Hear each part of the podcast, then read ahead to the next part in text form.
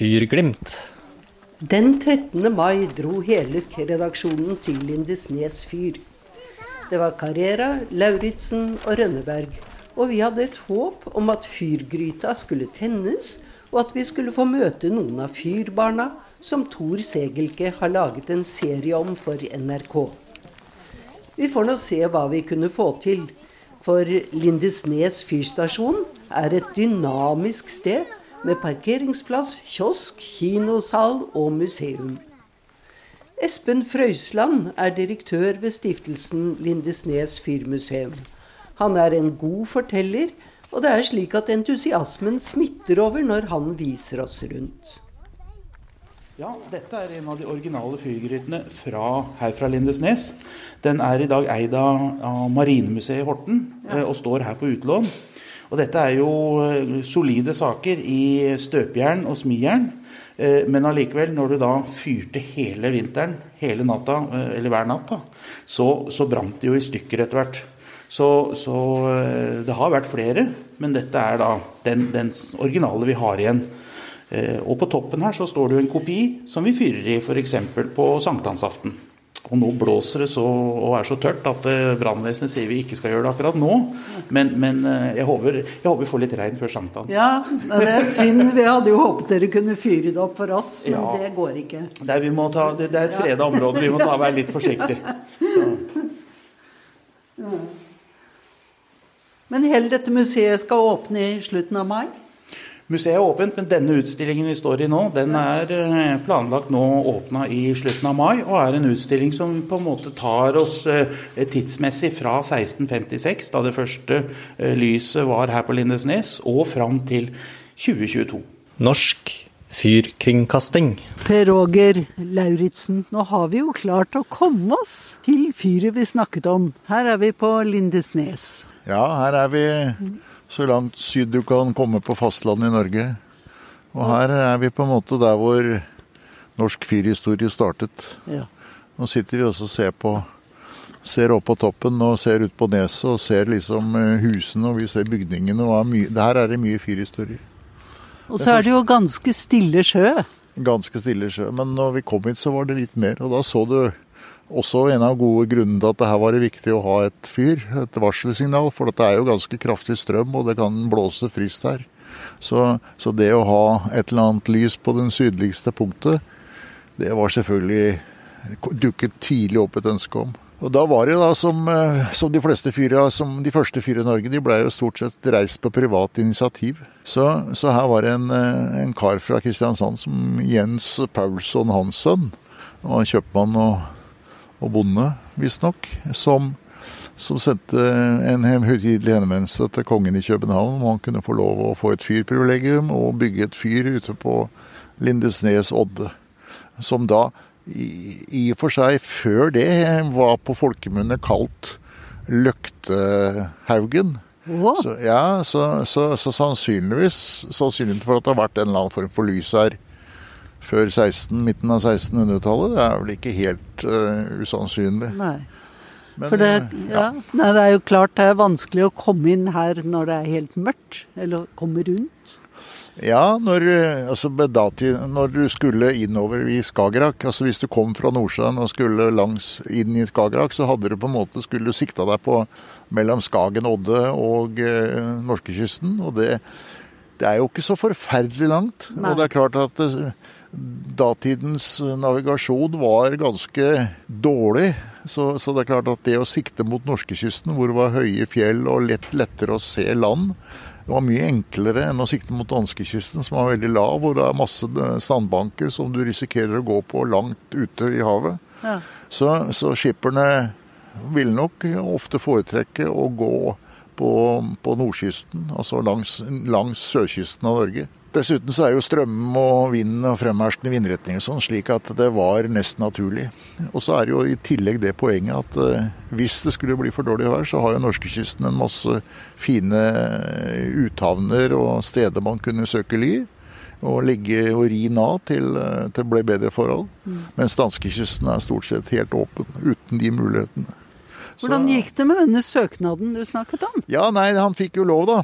Ja. Dette var i 1655. Ja. Og så fikk han lov, og så var planen at han skulle da eh, sette opp et eh, såkalt kullblussfyr. Et sånn enkelt bluss eh, oppe på fjellet med, som skulle fyres med kull. Og det skulle da gi nok lys til at han på en måte oppfylte fyrprivilegiet sitt. Men det var ikke så enkelt, da, for det var et forferdelig vær den høsten. Eh, Og han hadde kjøpt inn alt av remedier fra Kristiansand, og de, det var to båter som skulle frakte det hit ut. Og de brukte etter sigende syv uker på, på turen. Altså, det var, eh, det var håpløst motvind. De kom ikke utover hit. Nei. Og det, det kølet som han hadde bestilt fra England, det kom ikke i det hele tatt. Så han ble jo selvfølgelig i en skvis, da. Så han måtte i hurt og styrten improvisere litt. Og så i februar 1656 så hadde han da satt opp et lite tårn med, med blyglass i sånn tretårn på en tre-fire meters høyde, eh, med noen blyglassvinduer. Og så innen så hadde han satt opp 30 talglys. Og det, det ble fyret på fyrlyset på Lindesnes den første perioden. Ja. Har man noen uttalelse om hvorvidt dette virket? Jeg har nok en del uttalelser om det, for at det var vel mye klager, for å si det sånn. Man, Ja. eh, dette var jo, det ga jo ikke noe særlig lys, sannsynligvis. Eh, naturlig nok, kan du si. Eh, og så var, det jo, og så var det jo slik at med fyrprivilegiet så fulgte det jo med en, eh, mulighet da, til å kreve inn fyravgift for alle skip som passerte, enten østover eller vestover. Og det var fire, fire riksballer, var det vel, altså ganske mye penger. Så de klarte at eh, skipper som ikke følte at de fikk noe lys, de ville ikke betale. Nei. Men eh, ofte så måtte de jo det likevel, så det er klart da ble det sure brev til kongen eller øvrigheten at det her var bortkasta penger. Men, men, men tenk, du kan tenke deg hvordan, hvordan i all verden krevde man inn fyravgift fra passerende fartøyer i 1656? Det var jo litt før Vipsen og Ja, Pil og bue, kanskje? det var litt ganske tidlig. Så ja, han, han, Jens Paulsen, han, hadde jo- han hadde jo klekket ut en sånn litt eh, snedig plan om at for det første så samarbeider han jo med tollvesenet i Norge. Så de, de utenlandske fartøyene, de norske fartøyene som gikk i land på kysten herfra og, og eh, langt østover, de ble krevd avgift av toll, tolletaten når de møter dem. Um, mens de skipene som ikke var i land i Norge, altså, som, altså, som passerte her og kanskje først skulle i land i Danmark eller i Sverige, eh, eller, altså i Bohuslän, Ja. helt dit, eller kom fra Han hadde da gjort avtaler med enkelte agenter da, på de forskjellige havnene som da som da møtte opp og gikk til skipperen på de båtene som de trodde hadde kommet forbi Lindesnes og krevde penger. Okay. Så det var et sinnrikt system. Ja. Men dette, dette gikk jo ikke noe særlig, som, du, som jeg fortalte. Dette ble jo ikke noe Det ble jo en og for dårlig lys og lite value for money. Så selv om man på høsten, altså, han, om sommeren så var jo dette slokt, men på høsten på 1656 så hadde han jo fått tak i køl og hadde fått satt opp kullbluss og fikk begynt det sånn som det egentlig skulle være. Men da hadde man i mellomtiden eh, fått eh, fått såpass mye klager, sannsynligvis, slik at kongen trakk tilbake privilegiet, og det ble ikke noe fyrlys på, på, på Lindesnes på nesten 50 år. Å, så det tok så lang tid. Ja. Men de begynte vel å importere koks, gjorde de ikke det?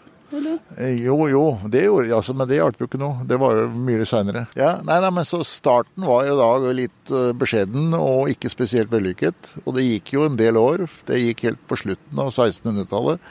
Eh, før, eh, før det neste fyret ble, på norskkysten ble tent, og det er Storeferder på, eh, på øya, ja, øya Storeferder, da, som ligger utapå utsida av Nøtterøy. Og, det, og det, var, det var litt mer vellykket. Det var i 1697, og der var en, der var en, var en kar fra Horten som fikk privilegiet.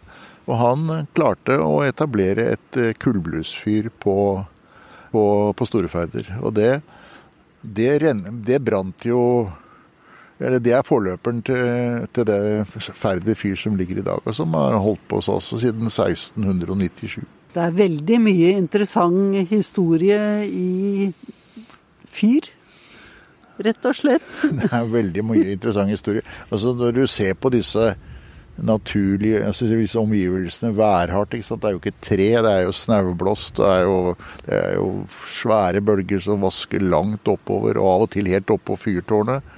Så er det jo imponerende hva man har klart til å bygge opp av infrastruktur som fungerer i all slags vær, og som liksom står støtt i stormen.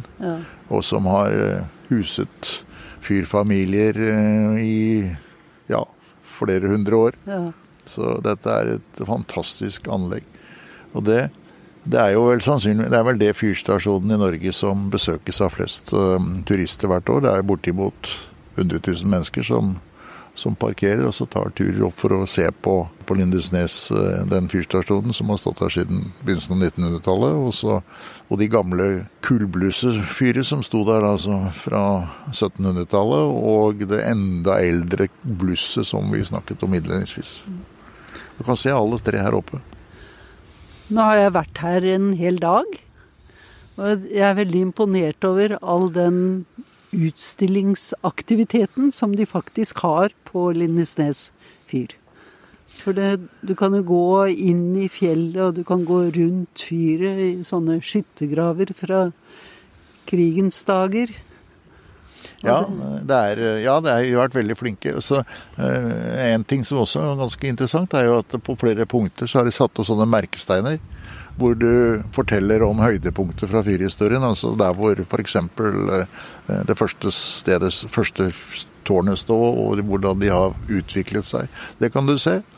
Og så så er det fotoutstilling både i, i fyrtårnet eh, i støpejernstårnet og i disse løpegravene. Det, under krigen så var jo under annen verdenskrig så var jo den- Lindesnes et meget viktig sted på kysten. Det var jo flere hundre tyskere som var stasjonert der, og de har jo satt kjempespor etter seg i form av løpegraver og skyttergraver og kanonstillinger og radar og, og sånne eh, lamper og sånn som de lyste opp med. Så det, så, og det er eh, i og for seg nesten umulig å bli kvitt, for det er jo hogd ned i fjellet, som du sier. Og det er nå utnyttet bl.a. til en fotoutstilling hvor du kan gå rundt eh, i, i disse hele i ganger og, og eh, tunneler og så se flotte fyrbilder.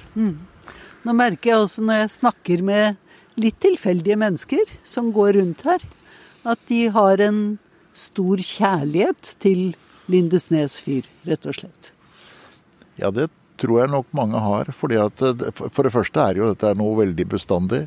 Og så er det jo et fantastisk byggverk, og så er det beliggenheten. Så, så du blir ikke, bør ikke være religiøs for å bli religiøs og besøke Et sted som dette? Nei. Nei. Så det, dette er, hvis man kun skal se ett fyr i Norge, så er nok Lindesnes høyt på lista over de stedene man bør besøke. Og så er det jo selvfølgelig noe med at uh, dette er uh, det sørligste fastlandsfyr i Norge. Klart, Vi er jo menneskets hus, og det er stas med rekorder. Og alle som skal gå Norge på langs, eller mange av de som skal gå på Norge på langs, de velger jo å starte nettopp på Lindesnes. Og så skal de opp til Nordkapp eller Nordkinn eller Kirkenes. Eller. Ja. Så de har jo vi, vi har vel sett noen i dag, tror jeg, som var- skulle i hvert fall ut på sykkel. Ja. Så, men det sydligste fyret, det er altså ikke Det ligger, det ligger litt lenger eh, vestover, på Ryvingen. Det er Norges sydligste fyr. Ryving, Ryvingen. Ryvingen. Ja, det er også, den er også en kjempehistorie bak, men det får vi ta en annen gang. Ja. Fyrglimt. For noen tiår tilbake var det helt naturlig for en fyrvokter å ta med familien til fyret. Det ble deres hjem, med mange utfordringer når uværet slo inn over landet. Sonja Selvig Langseth er et fyrbarn. Barn av fyrfolk, som kom til Svenner fyr da hun var seks år. Hør hva som opptok dagene hennes. Hummer, det var jo den viktigste attåtnæringen når jeg bodde der ute. Barna hadde i oppgave å fiske hummeragn, og det skulle være berggylte som var salta ned i tønner, fordi det fiska veldig godt. da. Ja, Så dere fiska berggylte? Ja, vi barna dro ut på Det var jo bare meg og, og en gutt som var tre år yngre. Vi, fra, vi, fra vi kom ut der, så hadde vi jo hver vår robåt, og så rodde ut holmer og skjær og, og, og sto og fiska berggylte, og den beit villig, så Så fedrene salta Og det var prima hummermat. Det var veldig god hummermat. De ble salta ned i tønner mm. hele sommeren. eh, Alle tønnene var fulle når hummerfisket begynte, da. Hvordan fiskestang var det du hadde? Ja, det var vanlig bambusstang. Ja, det var det. Ja, ja. Med, med sånn eh, vanlig Med krok, ja. og blåskjellam. Nei, vi fiska krabbe og hadde, hadde sanketegnene til, til småkrabbe. Og så de store krabbene, det var til fire, fire kroker, eller fire omganger. Akkurat. Så vi, vi Blåskjell brukte vi, brukte vi aldri, men som regel når vi hadde skoletid da, og et friminutt, så var det ned og dra og, og se om det var Jeg hadde som regel 15 krabbesnører, da. Dette er jo profesjonelt fiske. Det Ja, ja, ja. Det var, eh, det var viktig å ha De krabbene de mata vi jo, for når fedrene kom inn og hadde trukket garn og sånn, og skar av hoder og hale og sånn, så, så heiv vi det uti, uti slippen, som vi kalte det. Det var jo bare så høyt vann. Ja. Og der Allmeter. myldra det med krabbe. Ja, det var aldri vanskelig å få krabbe. Det høres ut som et barneparadis, for Ja. det er jo det morsomste barn vet. Er Ja. fiskekrabber. Voksne ja, også, kanskje. Ja. Og det gjorde vi jo Det var jo helt nødvendig. Så, det, så lenge jeg bodde på Svenner, til og med sjette klasse, så, så var det jo meg som holdt faren min med, med hummeragn, da, med fiske krabbe. Og vi hadde det var jo kjempe, kjempemoro å være med. Det var ikke bare for moro skyld, for det var helt nødvendig at vi holdt i med, med hummerang, da. For når hummersesongen begynte da 1. oktober, så, så var alle tønnene fulle av salta salta Ja. Sonja, du er en av Fyrbarna, en filmserie som nå kommer på NRK. ja. Og, og det viser eh, hvordan du forteller hvordan du kom til Svenner fyr som femåring ja. i 1945. ja. Seks år var jeg da. Seks år var ja. Ja. da. ja. Hadde du bodd på noe fyr tidligere? Nei da, jeg, vi, vi, moren min og jeg, vi bodde i Stavanger, og, og faren min, eh, han var eh, overstyrmann i konvoifart oh. eh, under hele krigen, så han hadde bare så vidt sett meg. Jeg var født i 39, og han eh, han reiste ut når jeg var seks uker gammel og kom hjem, så var jeg seks år. Og du verden. Ja. ja. Nei, det var, det var sånn, det. Ja. ja. Men var det han som fikk jobb på fyret, da? Ja, han var jo født da på Kråkenes eh, Nei, han, han var ikke eh, Jo, han var født på Kråkenes fyr, Ja, min far. akkurat. Ja, ja. Og fikk da jobb på Svenner. Og eh, først født på Han var født på Kråkenes fyr. Og der bodde de til moren døde da, da han var ti år. Da fikk eh, bestefaren min eh, fyrmesterstilling på Ulvesund fyr. Det er jo ikke så langt unna Kråkenes. Og der bodde pappa til han var 18 år. Han fikk lov å, å, å være hjemme siden han uh, fiska og hjalp til å underholde den svære familien. For min bestemor fikk jo tolv barn, da. Oi. Og døde når den yngste var fire måneder. Ja, så de, de bodde på Kråkenes. Så det Bestefaren min var den andre fyrmesteren på Kråkenes. Og hun døde når det minste barnet var fi, ca. fire måneder eller noe sånt. Noe tuberkulose, da. Ja. ja, det var jo det som herja den gangen. Så han, eh, faren min, han bodde på Ulvesund, og så eh, var jo alle gutter skulle jo til sjøs, og han hadde bestemt seg for at han skulle ha utdannelse. Og, så han reiste ut og sparte opp penger og, og, og, fikk tatt styrmannsskolen i Bergen. Da måtte jo bo et år eller så i, på hybel i Bergen, så fikk han tatt styrmannsskolen. Og så reiste han ut igjen, og så fikk tatt eh, skipperskolen. Og så var han uteseiler i 18 år. Ja. Og så kom han da hjem da når, i 1945, når krigen slutta, og det eneste han lengta til, det var fyrlivet. Sier du det? Ja, så så det han, han han søkte til Svenner og ble ansatt med en gang som førsteassistent. Ja. Det at eh, i, før i tiden så skulle alle som var eh, fyr, fyrmester og assistenter skulle ha solid utdannelse for å bli ansatt på fyr. Ja. Eh, Nå er det jo ikke noe fyr mer. Så, så han eh, ble førsteassistent, pappa da, på, på Svenner, og var der i 18 år. Og så ble det ledig fyrmesterstilling på Stavernsodden fyr. Og da søkte han og, og, og fikk den, og der var det de siste 13 åra. Så der har mine barn alle barndomsminner ifra Vi var jo der nesten hver eneste helg på Stavern fyr. og jul og påske og pinse og, og alt. Så de har fått fyrblodet inn, altså. Ja. Norsk fyrkringkasting. Tidligere har Fyrglimt vært på Fuglehuk fyr. Der manglet de en Fresnel-linse, som var så fin at den havnet på museum på Lindesnes. Og her står den. Ja, dette er linsa til eh, Fuglehuk fyr, som står her i utstilling hos oss. Og nå er utstillinga til restaurering. Og eh, linsa skal plasseres inne i et eh, monter her midt på gulvet.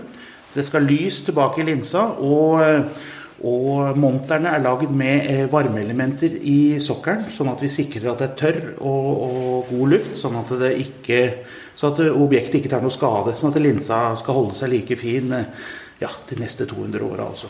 Men denne linsa er veldig spesiell. Ja, altså dette er jo en av linsene som har eh, blink. Den, den har jo rotert opprinnelig.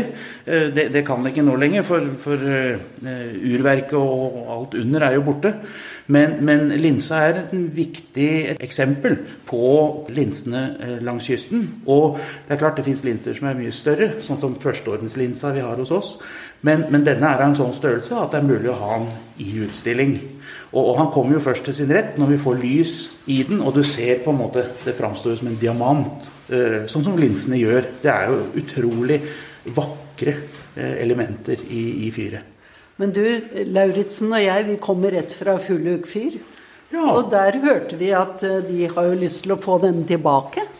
Ja, de har eh, sendt en henvendelse til Kystverket, vet jeg. Eh, nå er det jo noe med at disse linsene de er både tunge og de er skjøre.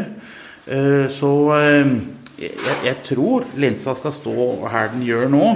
De, er, eh, de, de skal ikke flyttes for mye på. Nei. Den er veldig vakker. Vet du hvor den er produsert? Dette er fransk linse, eh, og, Norge kjøpte jo først og fremst eh, linser fra Frankrike og fra Paris. Og, franskmennene er jo veldig, veldig stolt av sin eh, linsehistorie. Og det er jo faktisk sånn at neste år så er det 200 år siden den første franske Fresnel-linsa ble tatt i bruk. Så vi skal ha en, en markering og en utstilling rundt linser til neste år. Og, eh, og da vil det være andre elementer enn en denne som vi bruker, men, men denne står jo framme hele tida. Opplev en natt på fyret. Fyret forstås best i nattemørket. Her under lysets strålekrans kan du våke under stjernene og vekkes av vind og bølgebrus. Nå sitter vi her og, og har eh, god utsikt til sjø som vasker over skjær, må vi vel nesten si det her. Det er jo rolig sjø, men det er en voldsomme krefter, det ser man jo. Og er- du og jeg satt og fantaserte om at man kunne kanskje sånn Altså surfe med kajakk gjennom det der lille klippesundet der. Ja, det, det kan man. Og så, I hvert fall hvis man har på en måte den riktige trening og riktig utstyr, så kan man nok det. Og mange padlere vil nok synes det er en spennende opplevelse. Jeg er, ikke, jeg er også egentlig ganske dedikert padler, men jeg er aldri blitt så god. Men jeg har padla forbi Lindesnes to ganger, faktisk. Ja. Og første gangen, det var, det var jeg jo det var jeg noen og tyve år. Og da kom jeg padlende fra Falkefjord-området og eh, hadde overnatta bort på Markøy, hvor man hadde bifyr på, på Lindesnes i mange år for øvrig. Og det var nydelig vær og pen, sånn rolig overflate, så dette, dette går sikkert bra. Så jeg padlet trøstig vei, men det var jo ikke Det er jo bare fire-fem kilometer, men i løpet av noen minutter så begynte det å blåse opp. Og når jeg og jeg var såpass at jeg tenkte at jeg får bare stå på og ikke, ikke snu. Men når jeg kom rundt, så var det ganske skavlete sjø, og jeg hadde mitt fulle hyre til å holde meg i båten og holdt fast i åra og torde ikke stoppe et sekund for å ta et bilde av, av når jeg passerte Lindesnes. Så det, og da gikk jeg inn faktisk her, inn i den der bukta Åh, som vi ser foran oss. Ja, det var ja, for jeg tenkte at det her var.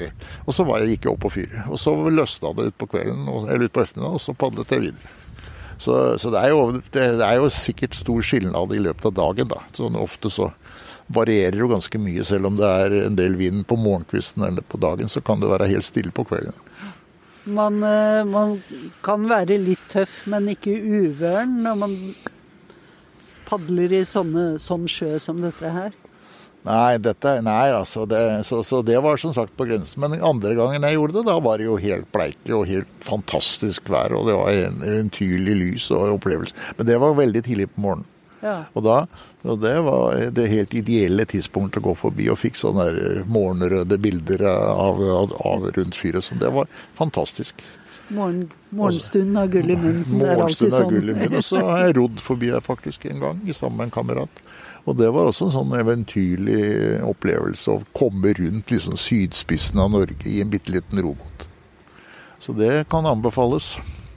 Ellers så er det jo slik da at vi eh, det er jo, Man kan jo komme, komme rundt, da kan jo kommes forbi her uten å padle rundt Lindesnes. Det, har jo, det er jo lagt til rette med en kanal innerst på Spangereid som gjør at man kan padle Hvis man kommer vestfra, så kan man jo padle inn Grønnfjorden og så, og så ut, eh, ut gjennom kanalen i Spangereid og så videre, videre østover.